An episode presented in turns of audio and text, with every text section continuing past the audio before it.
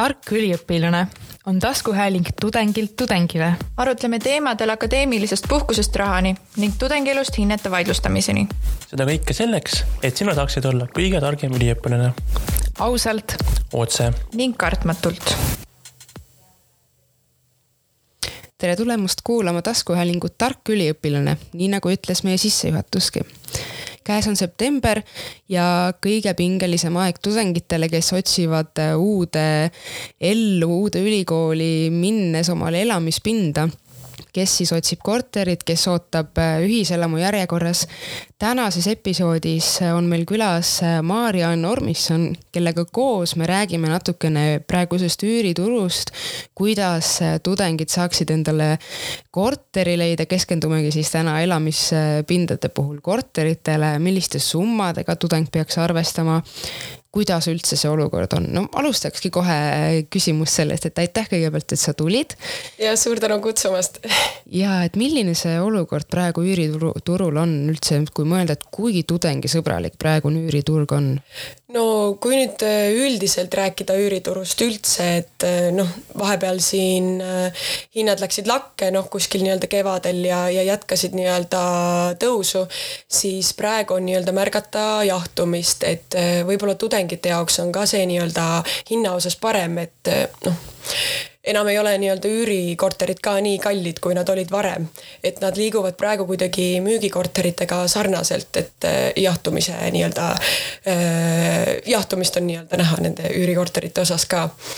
et eh, jah kas see on siis näiteks Tallinnas ja Tartus mõlemas nii või on mingeid erinevusi siin linnade osas ka, nagu mõelda, et enamik kõrgkoole asuvad ikkagi neis kahes äh, linnas mm? -hmm. vot nüüd äh, ma, kui ma täpselt ütlen, siis ma Tartu kohta nii täpselt ei oska öelda, et kuna noh, mina tegutsen nii-öelda Tallinna piirkonnas.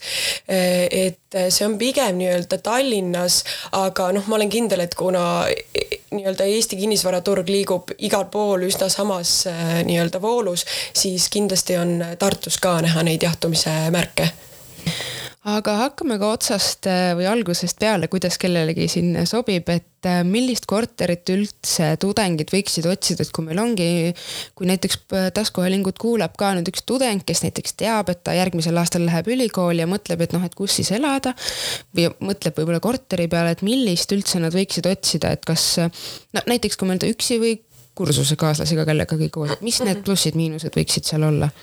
no üks asi kindlasti, et äh, kui on nüüd võimalus, siis mina soovitaksin kindlasti kahe peale või isegi kolmekesi, et kui on nii-öelda teada, et lähed kellegagi tuttava või sõbraga samasse ülikooli või samasse linna isegi ülikooli õppima, et siis kindlasti rääkida läbi ja, ja kui saate nii-öelda suhteliselt hästi läbi, et siis võtta ikkagi nii-öelda äh, üürikorter mitme peale, no sest et seal juba tuleb mängu see, et kulud jaotuvad siis kõik kas kaheks või kolmeks, et eh, see on juba suur pluss ja samamoodi noh, üürihind ka kõik kolmeks. et eh, see on üks väga oluline, oluline punkt, noh, kui on siis nii-öelda võimalust. ja teine asi, mis ma mõtlesin ka, on see, et kellel ka siis on nii-öelda võimalus et hakata otsima üürikorterit juba suve alguses, kolida võib-olla nii-öelda suve alguses ära. et noh, kuna on teada, et sügisel ja augustis ja noh, juulikuu lõpus hakkab see tudengite, tudengite möll pihta on ju, et kõik hakkavad kolima ja endale üürikorterid otsima.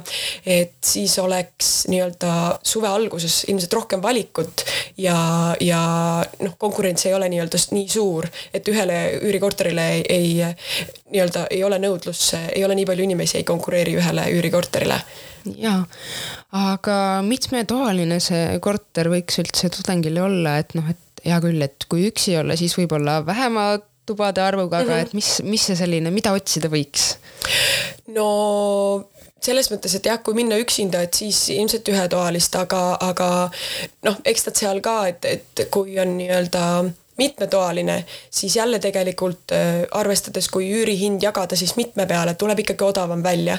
et jah, võiks nii-öelda vaadata selle suunitlusega, et võtta siis pigem mitmetoaline, aga mitme inimese peale, et siis tuleb see üürihind palju madalam, kui näiteks võtta üksinda ühetoaline korter, noh kevadel olid kuskil need üürihinnad juba korralik ühetoaline korter äh, kuskil neljasaja euro kandis, et, et ega, ega võib. sinna siis lisanduvad veel kommunaalkulud, eks.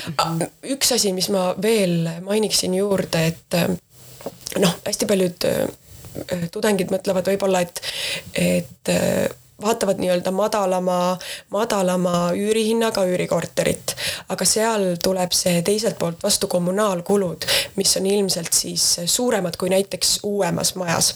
oletame siis näiteks niimoodi, et ma toon kaks näidet, et on vanem kortermaja, üürihind on madalam, aga kommunaalkulud on selle võrra suuremad, kuna madalamas kortermajas ei ole võib-olla, see ei ole nii hästi soojustatud, et tudengid võiksid kindlasti uurida ka, et mis majas on korda tehtud ja, ja, ja selle kohta, et, et noh. ja see ju oleneb, eks ole, suvel ja talvel. no täpselt, täpselt, et, et kommunaalkulud või on ilmselt nii-öelda madalam või tähendab vanades majades siis kõrgemad, kui siis võtta uuem korter kõrvale, mille üür üürihind on siis kõrgem, aga kommunaalkulud on jälle väiksemad, kuna noh, on kõik ilusasti soojustatud, uus maja on ju, kõik on seal nii-öelda noh, ühistu on seal kor-, korda teinud ja tegutsenud ja, ja, ja, ja täpselt ja, ja selle tõttu on kommunaalkulud ka madalamad. et võibki mõnikord siis niimoodi tulla, et uuem maja, äh, kõrgem üürihind, kommunaalkulud on madalamad, on võrdväärne siis äh, äh, vanem kortermaja, kus üürihind on madalam aga kommunaalkulud on kõrgemad. aga oskad sa öelda, et mis see kommunaalkulude selline vahe võib olla, et kui me võtame noh, ma ei tea, võtame Tallinna kontekstis ühe vana Mustamäe mitmekorruselise maja kommunaalid versus siis noh mõne uuema kortermaja kommunaalid, et mis see vahe nagu võib olla, kui hästi otse niimoodi rääkida tudengitele, see nagu meeldib, et nad kohe saavad teada, mis see vahe võib olla seal mm. -hmm. no kui ma nüüd täpselt ütlen, siis noh, ma ise olen nii-öelda vanemate majade üürikorteritega nagu kursis, et ma rohkem uuematel nii-öelda täpselt ei oskagi öelda. et aga ma arvan, et hmm. ma mõtlen kas ma julgen öelda nii-öelda välja selle numbri, sest ma tegelikult täpselt ei tea seda numbrit. no aga anna oma hinnang, ühesõnaga kõik kuulajad, et ei ole tegemist siis teaduslikult tõestatud faktiga, vaid ja. siis hinnanguga ühesõnaga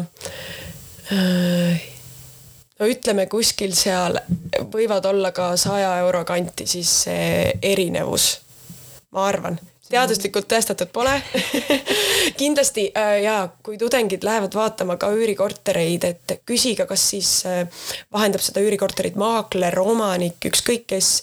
küsige kindlasti kommunaalkulude neid äh, noh, näidisarveid jah, sellepärast et see annab väga suure ülevaate, et äh, kindlasti küsige talvearveid on ju, et kui on need kõige krõbedamad, et, et siis teil on nii-öelda kohe endal äh, silme ees ka, et, et oskate nii-öelda arvestada, et mis summadega te peate nii-öelda arvestama, kui, kui siin nii-öelda talv tuleb ja kommunaalkulud kõrgeks lähevad jaa, no me jõudsime sellest mitmetoaline võiks see tudengikorter olla siia hindadeni välja, aga ei ole hullu. Eh, kui nüüd mõelda korraks tagasi veel selle teema juurde, et eh, milline see tudengikorter olla võiks, siis üks asi ju ka, mis erineb nagu üüriturul, on see, et kas see korter on mööbliga või ilma et tudeng vist mulle vähemalt tundub, et võiks eelistada ikkagi seda korterit, mis on mööbliga. siin mõned ajad tagasi Postimehes oli ka artikkel, kuidas üks tudeng siis lisaks sellele, et ta siis sai endale küll korteri, aga et lisaks mööblile läks veel umbes neli tuhat eurot, mis on nagu täiesti kohutavalt suur summa mm. -hmm. et kas neid kortereid, on neid kuidagi kas enam-vähem võrdselt neid mööbliga või mööbliga, no jälle, kui anda hinnanguid lihtsalt siin mm. -hmm. selles osas on küll nii, et et üürikorterid on tavaliselt mööbleeritud, kuna noh, nii-öelda üürileandjad eeldavadki, et inimene tuleb sinna sisse, võib-olla tal ei noh, ta üüribki esimest üürikorterit, tal ei ole nii-öelda veel äh, seda nii-öelda summat, finantseeringut panna, et, et osta veel endale mööbel sinna sisse, et tegelikult on mööbleeritud üürikortereid rohkem kui mööbleerimata. et see on ilmselge, et, et noh, neid peaks siis rohkem ka tudengid vaatama, et äh, noh, muidu tuleb nii-öelda peavalu selles osas, et peab hakkama nii-öelda sisustama ka veel. aga jah, selles osas on, on hästi, et mööbleeritud korterid on õnneks rohkem. see on hea uudis tudengile ja. aga kui nüüd ja tudeng hakkab otsima seda, et kust ta siis, kust ta hakkab otsima seda, et noh, üks variant iga kevad, iga suvi, no pigem suvel on Facebook täis neid kuulutusi, et kena pilt juures ja olen hästi tubli inimene ja ei pidutse ja ei suitseta, ei joo, et võta mind, et kas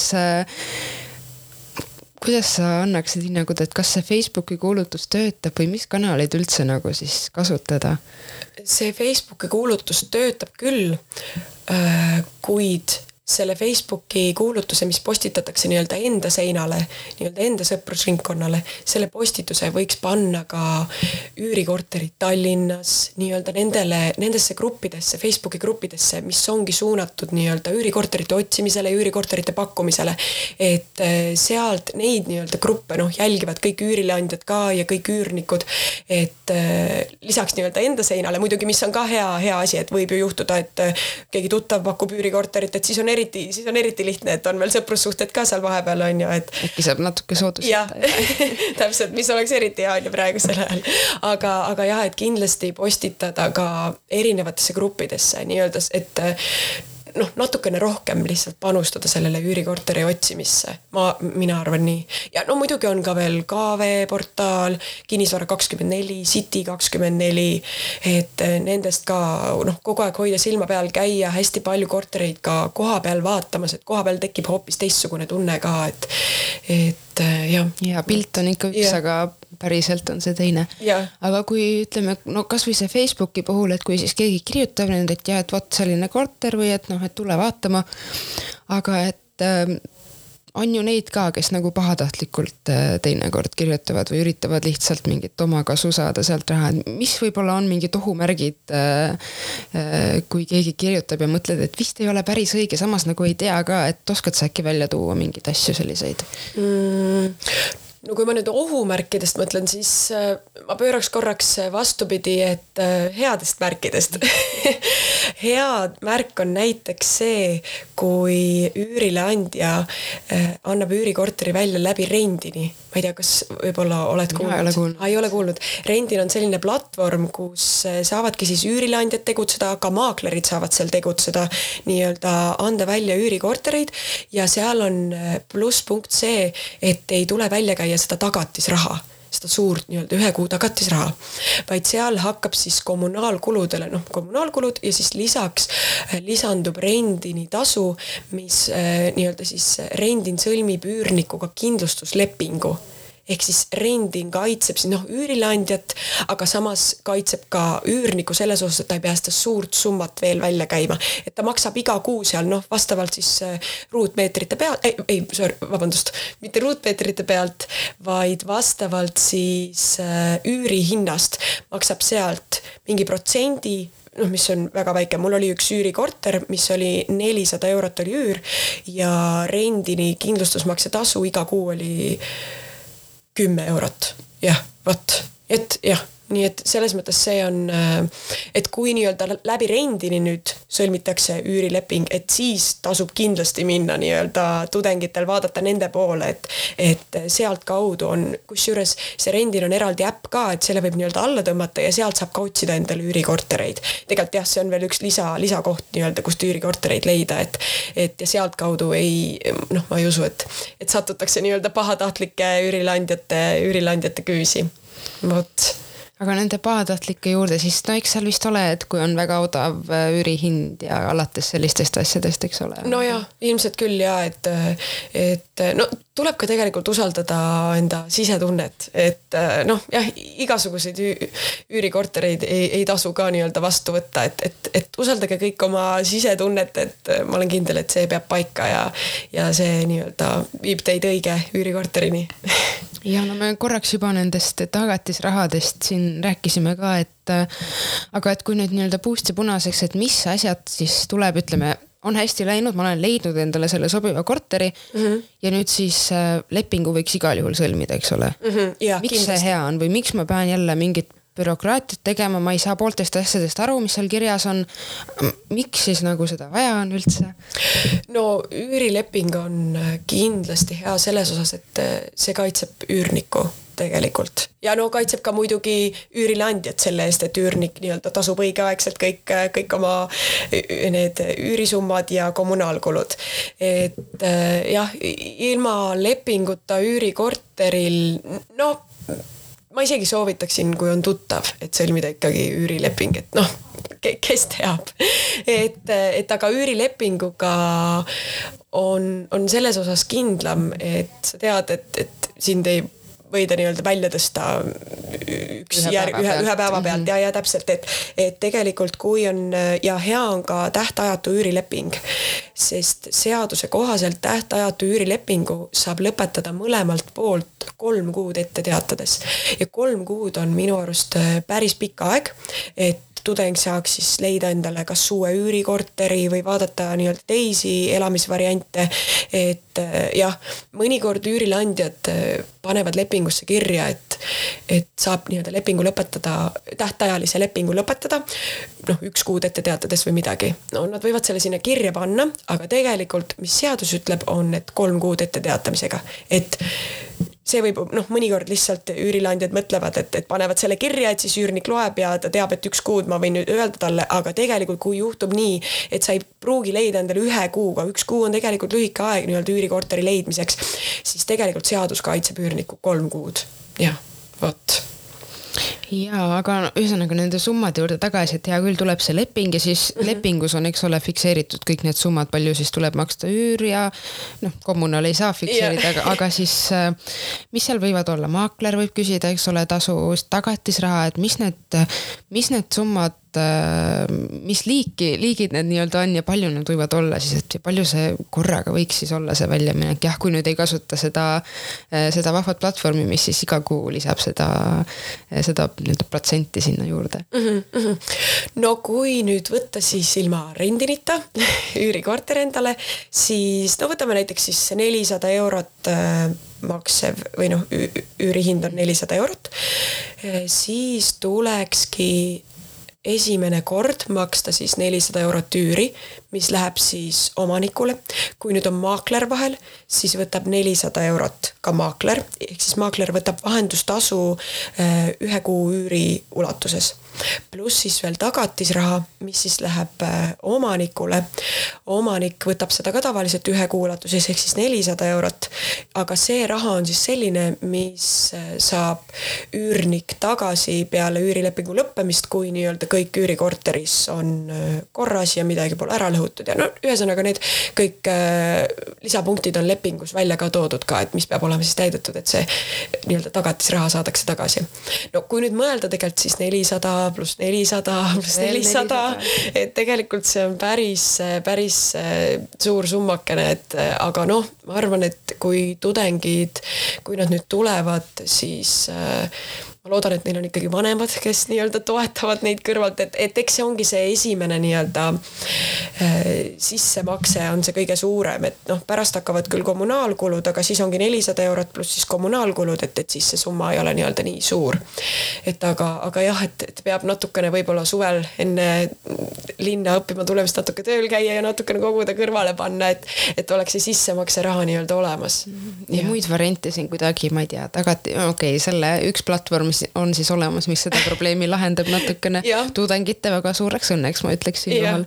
aga et mingeid muid variante siis kuidagi, ma ei tea, maakleri tasu mitte maksta, ongi siis see, et sa, ma ei tea, üritad saada otse omanikult üürida seda korterit, eks ole? no kuna mina olen ise maakler siis... Mi, miks ma siis peaks otsima ikkagi läbi selle büroo ja siis maksma veel suurt raha, tudeng jaoks väga suurt raha maaklerile eraldi, mis, miks ma peaks siis seda tegema? no tegelikult see maakler seal vahel on ka suur turvalisuse punkt noh, täpselt nagu me enne rääkisime nendest pahatahtlikest üürileandjatest, et tegelikult maakler, nii-öelda maakleritel üüri, nii-öelda maakleritel olevad üürikorterid, mida nemad siis vahendavad, need tavaliselt on kõik nii-öelda noh, seal on kõik läbi vaadatud ja, ja nii-öelda on teada, et üürileandja on korralik ja, ja, ja selles mõttes on, on kõik kindel. et, et noh, tihtipeale ka võib-olla omanikud ei oska mingitele küsimustele vastata ja nõu anda, et siis maakler on alati see, kes nii-öelda on seal, aitab ja, ja tegelikult võib ka nii-öelda maakleri poole pöörduda tagasi, eh, kui nii-öelda peaks siis üürimise käigus noh, kui oled juba näiteks mõni, mõned kuud sees olnud, aga mingi jama tekib, noh, ma praegu ei, ei oska näidata, et mis jama võiks tekkida, aga nii-öelda võib võtta ka maakleriga ühendust ja uurida, kuna noh, tema oli nii-öelda seal vahendaja, et siis võib ka tema käest uurida natukene mingit informatsiooni, et, et kuidas paremini nii-öelda mõnes probleemses olukorras hakkama saada. et maakler võib-olla on seal vahel siis nii-öelda see usaldusisik, et, et see tekitab natuke turvalisuse tunde aga kas äh, see on siis, ähm, ma ei tea, äh, müüt, et maaklerid ikka üritavad nagu ilustada kõike seda ja ma ei tea, mis iganes seriaalidest on, eks ole, seda, et kõik on, kõik on väga ilusti, kui maakler selle ringkäigu seal korteris teeb, aga siis kolid sisse ja siis tuleb välja, et ma ei tea, krohvi kukub laest ja seinad kukuvad nagu kokku, et -hmm. on see, kuidas Eesti maaklerid nagu on ausad või no kui nüüd näiteks ma enda toon näiteks, et mina olen hästi realistlik maakler, et äh, mina räägin nii, nagu asjad on noh, natukene muidugi müügiteksti vahele, aga mis selles mõttes ma ei esita kunagi valefakte ja ma olen kindel, et ka teised, kui võtta nii-öelda suurematest büroodest kõik nii-öelda maaklerid ja ka väiksematest büroodest, et siis enamik maaklereid on heatahtlikud ja räägivad nii-öelda üürikorteritest ka kõik nii, nagu on. et tegelikult on seal see ka, et, et kui maakler nii-öelda peaks valetama, aga omanik näiteks ei ole talle seda mingit, mingit asja seal rääkinud, millest siis maakler, millest siis maakler välja räägib, et, et tegelikult on siin nii, nii, siis lõpuks noh, on maakler nii-öelda see inimene, kes, kes nii-öelda tegelikult noh, kannatab, et, et me, meil on tegelikult ka suhteliselt suur vastutus, et äh, jah me tegelikult ei saa valetada. Asi ongi lihtsalt selles, et me ei saa valetada, et isegi kui mõni tahaks, nii et me oleme selles mõttes äh, väga ausad ja, ja, ja noh, müügiinimesed meil on äh, üsnagi märkamatult juba nüüd kakskümmend minutit seda juttu siin kokku tulnud, nii et äh, kui siin lõpetuseks kokkuvõtteks nüüd äh, ma ei teagi, et kas siis sellest eelnevast jutust mõni selline kõige olulisem asi, mida tudengitele nii-öelda veel südamele panna või, või mingi täiesti uus mingi soovitus siis, mida tudengitele öelda, kui nad äh, seda sinna üüriturule nii-öelda sukelduma hakkavad mm? -hmm. no mina arvan seda, et, äh, et ärge andke alla et kui te tulete, siis äh, käige vaatamas üürikortereid, kui üks, ühel oli liiga suur konkurents, läks ära, ärge heitke meelt, vaadake edasi ja proovige leida endale nii-öelda, otsida sõpru äh, kõrvalt, kes tulevad ka samasse linna õppima ja samasse kanti, noh, samasse kooli oleks veel kõige ideaalsem. ja nendega siis läbi rääkida, et, et kuule, et lähme koos, võtame üürikorteri koos, et on palju lihtsam äh, nii-öelda nende kuludega lõpus, lõpuks nii-öelda äh, hakkama saada. et noh, nüüd tuleb see talv ka siin ja ma olen kindel, et juba hästi paljud tudengid on endale üürikorteri leidnud, et, et ärge muretsege. et kõik läheb hästi sellel positiivsel toonil siit äh, saamegi lõpetada, aitäh sulle, Maarja, et täna ähm, positiivses valguses küllaltki seda, seda üüriturgu siin, äh, siin avasid tudengitele, nii et ja tudengitele tõesti soovime siis äh, seda, et ärge andke alla ja ka üüriturg on variant, mitte ainult siis ühiselamu kohas pikalt ootamine. jah, just, aitäh